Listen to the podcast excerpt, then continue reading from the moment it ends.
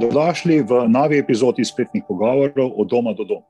V svoji družbi pozdravljam doktorico, docentko Emilijo Stojmenovo Duh, eh, docentko v laboratoriju za telekomunikacije na Fakulteti za elektrotehniko Univerze v Ljubljani, eh, koordinatorico mreže ustvarjalnih laboratorijev FabLab Slovenija in vodjo digitalnega inovacijskega stičišča 4PDIH. Emilija, lepo pozdravljeni in najlepša hvala, da ste se odzvali našemu vabilu oziroma mojemu vabilu. Lepo pozdravljeni, najlepša hvala, da ste me povabili. Uh, ja, pa začniva. 8. marca smo praznovali Mednarodni dan žensk, še prej 11. februarja pa je bil Mednarodni dan žensk in deklet v znanosti. Uh, domnevam, da vam ta praznika veliko pomenita. Uh, večkrat ste namreč dejali, da si prizadevate za več žensk v znanosti. Uh, ne na zadnje imate tudi na vašem Twitter profilu zapisano, da ste elektronižerka, ki se bori proti stereotipom in si prizadeva za enako spolov. Torej, kako vidite položaj žensk v znanosti pri nas, pa tudi v družbi na splošno? Kje smo ta trenutek? Zdaj sama zelo ne rada generaliziram, zaradi tega, ker ženske v znanosti obstajajo tudi zelo različne znanosti. Sama sem v znanosti na področju tehnike, ker nas je bistveno manj kot pa recimo ženske v znanosti, ki delujejo na področju družboslovja, pa tudi marsikaterega področja naravoslovja. Tako da pri nas, recimo, kje smo, bolj na začetku. Uh, imamo še kar nekaj izzivov, sem pa zelo vesela, da se delajo premiki. Uh, recimo tudi na naši fakulteti za elektrotehniko uh, smo lansko leto ustanovili komisijo za enakost spolov uh, in zdaj že delamo prve korake, pripravljamo akcijske načrte. To, kar ste prebrali na mojem Twitter profilu, da se borim proti steklenim stropom. Glede na to, če pogledamo, koliko žensk je recimo na najvišjih položajih, dekanj, rektoric, vidimo, da je število izjemno majhno in verjamem, da je tukaj še veliko za postoriti. Ja, sej, ne bom rekel, dobro, ne upate si generalizirati, v redu. Ampak tudi v družboslovju ni bistveno drugače. Ogromno študentk prevladuje, ampak ko pa pogledaš kadrovsko sestavo pedagoškega kadra, pa jih ni Eh, tako veliko, oziroma ni nekega eh, normalnega sorazmerja med enim in drugim. Uh, tako da se kar strinjam. Ampak vseeno so pri nas nekako zakorenjeni neki stereotipi, kaj so moški, kaj so ženske. Ko smo prej govorili, ste mi nekaj razlagali o tem, da je v, recimo, uh, v makedonski družbi da je v bistvu elektrotehnika zelo popularna, oziroma pomeni dober poklic, ampak pri nas. Eh, domnevam, da v bistvu, in tudi ti stereotipi so veljali v slovenski družbi, elektrotehnika, tudi takrat, ko sem sam študiral, ni bila tako popularna. Eh, sicer ne vem, zakaj v Sloveniji elektrotehnika ni tako popularna. Eh, v Makedoniji je bila odnegde Pri nas je veljalo, da najboljši študenti študirajo bodi si farmacijo, medicino oziroma elektrotehniko in je tudi veljal za eden najtežjih študijev. Uh, tako da uh, je pa presenetljivo, ja, zakaj recimo, čeprav Makedonija in Slovenija niti nista si tako daleč in tudi kot narodi si nismo tako različni, da potem uh, prihaja do teh razlik. Um, Nimam odgovore na ta vprašanja, ne vem, zakaj je premalo žensk. Zato, ker se poizkaže, da ženske v elektrotehniki pa smo zelo dobre. In tudi a, trenutni rektor Univerze v Ljubljani, oziroma naš bivši dekan, a, profesor dr. A, Papič vedno pove, da uh, ima najboljše izkušnje z ženskami v znanosti, v elektrotehniki, ki prihajajo iz Makedonije. Tako da ne vem, zakaj ravno v Makedoniji se posvečamo toliko tem področju. Uh, ja, ampak uh, v bistvu, kaj bi pa lahko naredili, da bi, se, da bi vam več deklet sledilo? Uh, kako v bistvu zadevo narediti popularnejšo v, v tem oziru? Ker domnevam, da o tem tudi zdaj razpravljate, ko, ko ste oblikovali komisijo znotraj fakultete. Zagotovo. Eh, pravzaprav eh, moramo začeti razlagati, kaj sploh delamo eh, ženske v elektrotehniki, ker namreč marsikdo si predstavlja, da smo nekje zaprte in popravljamo transformatorje ali ne vem, smo pri kakih turbinah, pa elektrotehnika je zelo široko področje in od vsega od digitalizacije pa potem do ne vem, avtomatike, robotike in tako naprej.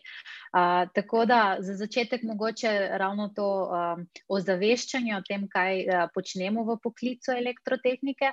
Potem pa se mi zdi tudi zelo pomembno, uh, da pokažemo, uh, kaj pa delamo ženske v elektrotehniki in da smo tudi zelo različne in s čim se ukvarjamo. Uh, Marsikdo sprašuje, kakšno življenje imamo, da smo povsem normalna bitja, ki imamo družine, ki imamo uh, svoj prosti čas, uh, ki smo normalno družabne ljudi, uh, da pokažemo tudi uspešne ženske, recimo v elektrotehniki, zato ker na tak način se mladi lahko poistovetijo. Zdaj, bolj različnih žensk, če pokažemo, tudi potem obstaja večja verjetnost, da se več deklet odloči uh, za tega poklica. Mislim, da je predvsem tukaj treba delati z mladimi. Napaka, ki jo običajno naredimo, je, da se začnemo ukvarjati z mladimi nekje v srednji šoli, proti koncu srednje šole, pa takrat je prepozno, zato ker dekleta oziroma nasploh dijaki so že nekako odločeni, kaj bodo šli študirati. Mislim, da se moramo začeti bistveno prej v osnovni šoli.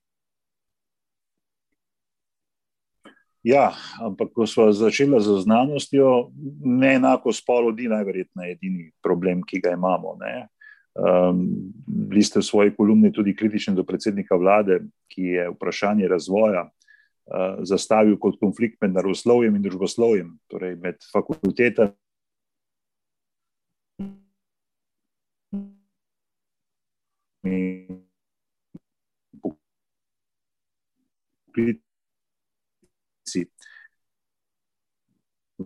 Glede tega se absolutno strinjam z vami. Lotno znanost, torej vse znanosti, v družbi nekega konsenza. A kako pa je v znanosti? Ali znamo v Sloveniji razmišljati dovolj široko, oziroma ali se znamo problemov lotiti preko oskih okvirjev posameznih znanstvenih disciplin? Zadevo preveč zamejimo, ali je, obstaja še ta pogled, kot bi šlo k temu rekel, od zgoraj. Včasih ga je imela filozofija, ampak danes ga sigurno nima več. Ja, zdaj, uh, po mojem, bo marsikateri moj kolega jezen name iz moje stroke, zato ker uh, pogosto krat rečem, da se mi zdi, da uh, v tehniki smo še najbolj osko gledni, uh, a vsaj bili najbolj osko gledni. Uh, recimo, ravno zdaj na področju digitalizacije smo ugotovili, da uh, tehniki sami ne moremo nič narediti in da se moramo povezovati z ostalimi znanostmi. V moji skupini smo zelo interdisciplinarna in multidisciplinarna skupina, zato ker zavedati se je treba, da inženirji rešujemo probleme in problemi prihajajo iz pač realnega sveta, ker, ki pa ni enodisciplinski, no, obstajajo različne discipline. Bojim se, da mogoče tudi znanstveniki, ne samo da v svojo strokovno področje, ampak pogosto krat se omejujemo celo na svoj lastni laboratorij ali na lastno skupino znotraj laboratorija. In na tak način uh, nikakor ne bomo uspešni. In zdaj v politiki nam je zelo uh, znana ta delitev, naši pa vaši, in potem se delimo levi, desni, ne vem kaj vse. Ampak pogosto krat tudi znanstvenik. Jaz se spomnim v času študija, ko nekateri profesori so nam razlagali, da smo mi zdaj neki boljši kot tisti, ki študirajo pravo ali ekonomijo ali karkoli. In mislim, da je to zelo narobe. Mislim, da vsi moramo spoštovati drugih poklicev uh, in potem seveda graditi na tem. Tako da uh, se strinjam z vami. Uh, lahko smo uspešni zgolj, če razumemo tudi uh, ostale znanstvenike uh, in uh, sodelujemo z njimi. In tukaj, recimo, poskušamo delati te premike tudi pri nas na naši fakulteti, vedno bolj. Ja, um, zadeve znajo biti še bolj komplicirane, takrat, ko imaš v bistvu neke umestne discipline, ko pravzaprav nisi niti v eni, niti drugi, povsem noter, in se na novo oblikujejo, in razločevati to, to tistega, kar smo včasih proučevali, po mojem, je kar težko. Je pa res, to pa moram priznati, da so, če, če hočem kot družboslovec, da mi nekdo verjame, širša publika, potem mora o družboslovju lepo govoriti uh, naroslovc. Uh, in obratno, uh, nekako uh, obratno, niti ne to, ker tisto se res razume kot znanost. Ne? Tukaj je pa več teorij, ni samo tisto, učimo se zadnjo stvar, vse tisto, kar smo se zmotili, damo na stran. Tukaj ljudje reagirajo na to, kaj znanost v njih pravi in to spreminja zadevo. Domnevam, da, da so zadeve bolj predvidljive v elektrotehniki. Absolutno. Meni osebno tudi zato mi je toliko všeč elektrotehnika, zato ker je zelo eksaktna znanost. Sicer filozofijo ste omenili, mi je zelo zanimiva, psihologija, tudi ekonomija, konec koncev, ampak v teh vedah je preveč neznank in preveč vplivov, na katerih pač enostavno samo, ko imam rada stvari pod kontrolo, ne morem imeti kontrole. Recimo v elektrotehniki veš, v kateri smeri teče tok in znaš zračunati upor in veš, kaj kaj se zgodi, in enostavno planiraš zadeve.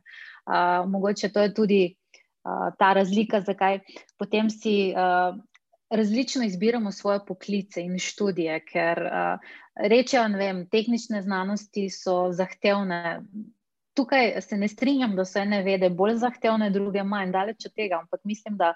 Uh, Tega, kar te veseli, seveda se tudi lažje lotiš, in zato je to tudi bolj enostavno. Za me osebno bi bil študij filozofije absolutno eden najbolj težkih študijev.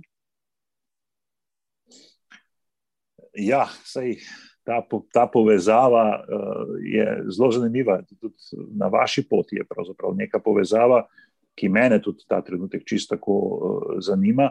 Um, problem staranja prebivalstva, torej približevanje uh, digitalizacije, oziroma kako olajšati življenje starejšim. V digitalnem svetu. To je bila tema um, vaše uh, doktorske dizertacije. Ampak zanima me, v bistvu, če lahko kaj v tem poveste, uh, oziroma kako nasploh gledate na demografske spremembe uh, in kaj so tiste stvari, ki bi jih ob tem, ker ste vseeno to tudi študirali, morali nasloviti.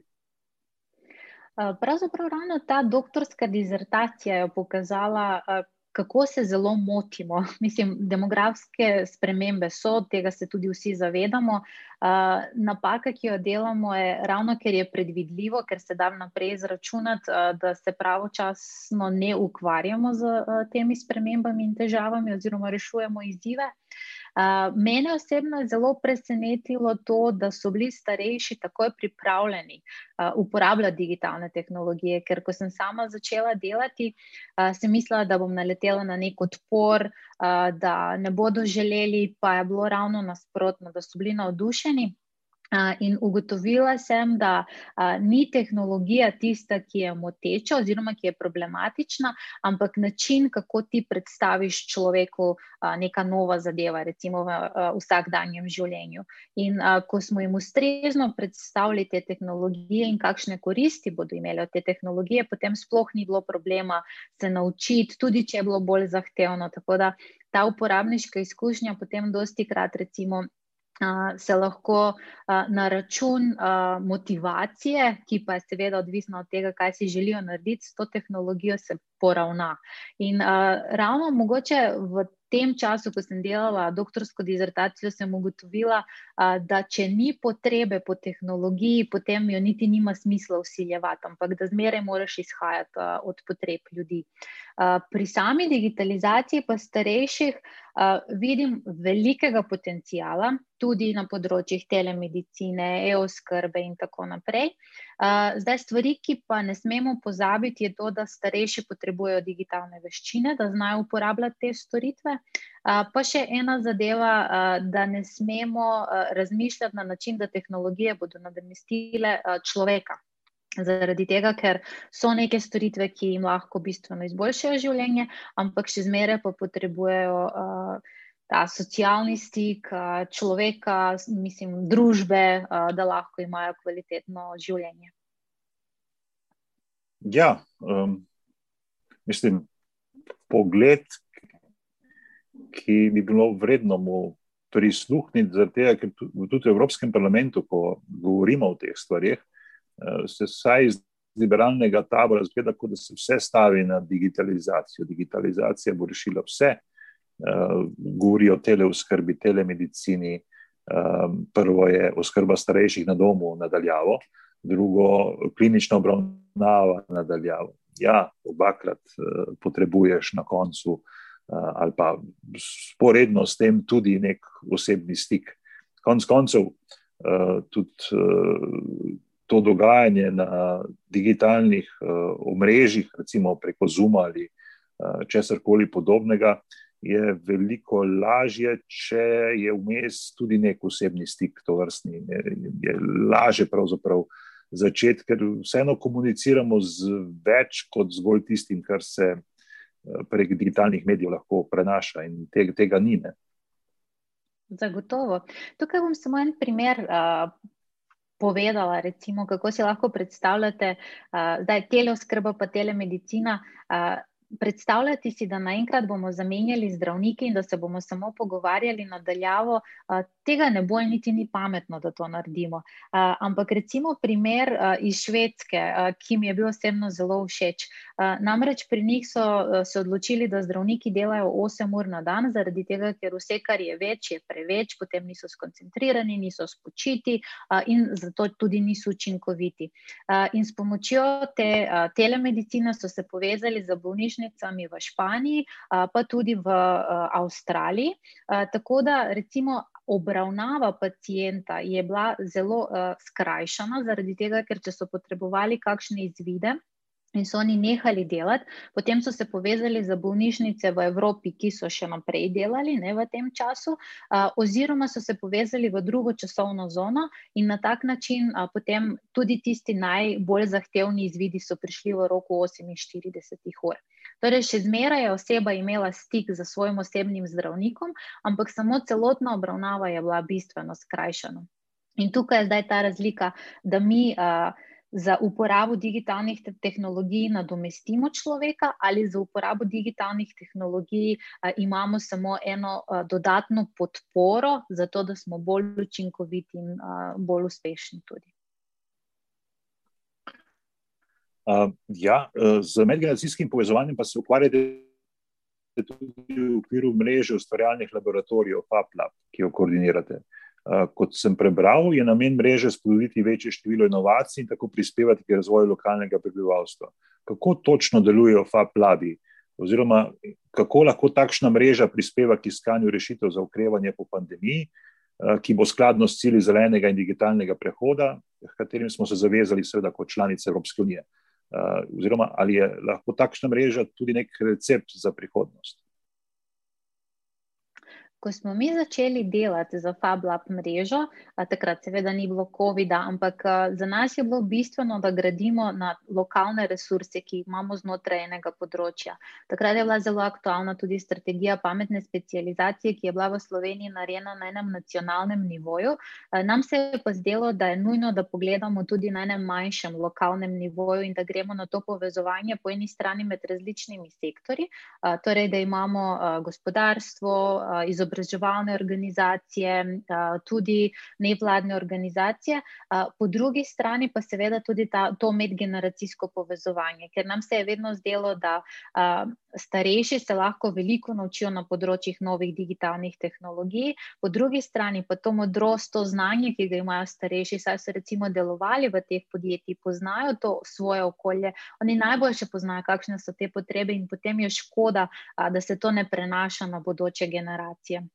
In takrat smo začeli z temi fablabi, zdaj one size fits all, uh, nikakor ne obstaja, zaradi tega, ker obstajajo tako v večjih mestih, kot uh, ne, nekje na vaseh, pa če je zelo odvisno, zelo različno. Uh, nekje so univerze, druge spet so kakšni šolski centri in tako naprej.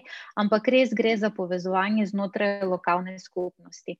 Zdaj, ko je nastal COVID, smo ugotovili, da ta social and proximity economy, torej ta bližina uh, v nekem uh, lokalnem delu, je zelo pomembna za odpornost neke regije, ker enostavno nismo se več mogli zanašati na nacionalni nivo. In recimo. Tukaj smo opazili odlične rezultate in zagotovo bomo na tem področju nadaljevali tudi naprej. Smo videli, da bolj kot je skupnost povezana, tudi lažje gre skozi krize, kot je recimo današnja. Zdaj, na področju zelenega ste tudi vprašali, absolutno, ampak pri zeleni transformaciji je podobno kot digitalni transformaciji. Mi se moramo zavedati, kaj to točno pomeni in zakaj potrebujemo zeleno transformacijo. Ker tako kot če meni rečete, da od danes naprej potrebujem same najboljše tehnologije, pa mi ne razložite, zakaj jih potrebujem, verjetno me ne boste prepričali.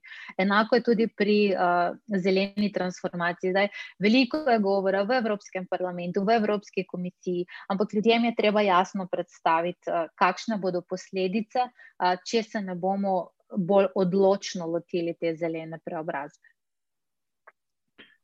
Ja, um, ljudje so nekje v središču, vse ljudje so v središču središču tudi vašega pristopa, če se ne motim, iz tega izhajata štiri PDIH. Uh, je tako? Res je. Uh, sicer gre za kratica Public-Private People Partnership, ampak mi mu rečemo for people, torej za ljudi.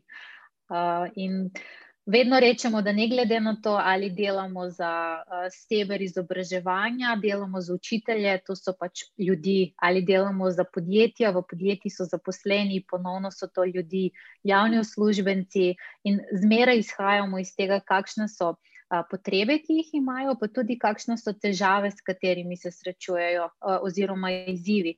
In ko enkrat prepoznamo te težave, te izzive, potem uporabimo vso znanje, ki ga imamo na področju digitalizacije in poskušamo te težave reševati. Ja, sej, sej, ravno zato sem to omenil, ker so ljudje v središču, mi smo vedno navajeni, samo javno-zasebno partnerstvo in to je to. Uh, ničesar, ničesar več uh, in to, da uh, je to nečemu namenjeno, nekomu namenjeno, da nekdo to uporablja, uh, je kar znatna inovacija, ki bi jo najverjetneje lahko od, iz vašega področja prenesli širše v, v družbo in tudi znanost. Uh, tukaj moramo omeniti, uh, ker naše področje zdaj. Uh, v moji skupini, ki smo se na ključno poimenovali Human Center Digital Transformation, sem jaz edina, ki je uh, doktorica znanosti z področja elektrotehnike. Uh, v moji skupini imamo doktorico z področja filozofije, uh, imamo andragoginjo, uh, informatika, dva ekonomista, torej smo zelo široka multidisciplinarna skupina. Zdaj, Pripričana sem, da če bi bila sama, bi zamudila marsikateri vidik, ki ga pa potem moji kolegi doprinesejo. In mogoče tudi na tak način smo začeli reševati te zadeve, in zdaj spet prihajamo na to vprašanje prej, ne, da katere znanosti vidimo, da resnično potrebujemo sodelovanje med znanostmi, med vedami, zato tudi, da pridemo do inovacij, kot je ta. Ker inovacije, kar pa res delamo tudi napako, niso zgolj tehnološke, ampak veliko krat so družbene inovacije, ki potem prispevajo k temu, da pridemo tudi do tehnoloških inovacij. Ja, in smo spet nazaj pri eh, znanosti, oziroma pri potrebi, potrem, da vlagamo v znanost, ker v bistvu brez znanja ni uspeha nobene družbe. Eh, mislim, da je to posebej pomembno za takšno državo, kot je Slovenija. Eh, to pa se vedno začne z mladimi, eh, ki so jih seveda ukrepi za zaizitev pandemije zelo prizadeli. Nekateri že govorijo o izgubljeni generaciji, domnevam pa, da se vseh posledic še niti zavedamo. Ne. Kako ste to? Vem, da ste februarja podprli dijaki in dijaki v Mariboru, ki so zahtevali vrnitev v šolske. Eh, policija pa popisala tako vas, kot uh, pravzaprav uh, dijake. Ali je to po vašem odraz odnosa, ki ga, družb, ki ga v družbi gojimo do znanja oziroma izobraževanja? Osebno spet bi rekla, da ne želim generalizirati uh, in uh, da Prepričana sem, da to ni odnos, ki ga družba v celoti goji do znanja in do izobraževanja, ker menim, da v Sloveniji še zmeraj uh, cenimo znanje in izobraževanje. Uh, upam, da je to zgolj odnos neke omejene politike, ki mogoče niti noče razumeti uh, stisk teh mladih in potem so enostavno.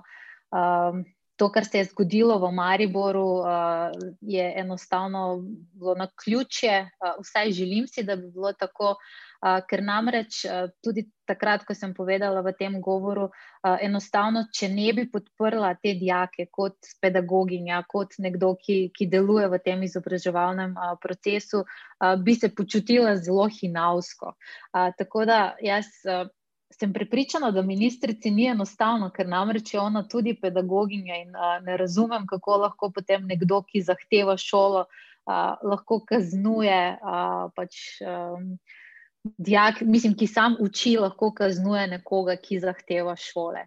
A, tako da, ja, mislim, da družba v Sloveniji v celoti še zmeraj ceni znanje, a, da a, se bo to spremenilo v bodoče. No, jaz sem tudi prepričan, bistvo, da je to pač glavna pot, ki jo lahko uh, vsakemu mlademu, oziroma vsakemu otroku damo, oziroma tisto, v kar se najbolj splača vlagati. Se o tem priča tudi uh, vaša pot. Mogoče poveste, kako ste uh, maturirali v, v, v Mariboru. Uh, in ja, brez, brez to vrstnih opcij. Eh, ki jo ki mladim damo, je zelo težko uh, imeti nek napredek v družbi. Zagotovo. Uh, recimo, sama prihajam iz zelo ruralnega dela v Makedoniji uh, in sem prepričana, da je ravno uh, znanje in priložnost, ki sem jo dobila v Mariboru na drugi gimnaziji, uh, tudi obiskovala sem mednarodno maturo, ker mi je še toliko bolj razširila ta obzorja in nas naučila razmišljati. Uh, potem, da to mi je pomagalo pri tem, kar počnem danes, uh, da zmeraj poskušam uh, pogledati tudi druge strani, pa kritično vrednotiti uh, kakšno zadevo. In verjamem, da je to zelo pomembno. Tudi upam, da naš izobraževalni sistem bo šel v to smer, uh, da ne učimo na pamet, ampak da predvsem naučimo otroke, eh, kako se naj učijo, kako naj eh, iščejo informacije, kako so naj čim bolj kreativni, čim bolj inovativni in seveda kritični, ker to, to je ključno. Je pri kritiki pomeni, da mora zmeraj biti kritični do vsakega, ne? ker edino na tak način lahko pridejo do neke resnice. Uh, Meni osebno je takrat recimo pomagala odrasla oseba, uh, ko mi je omogočila to pot, uh, to je uh, ravnatelj druge gimnazije.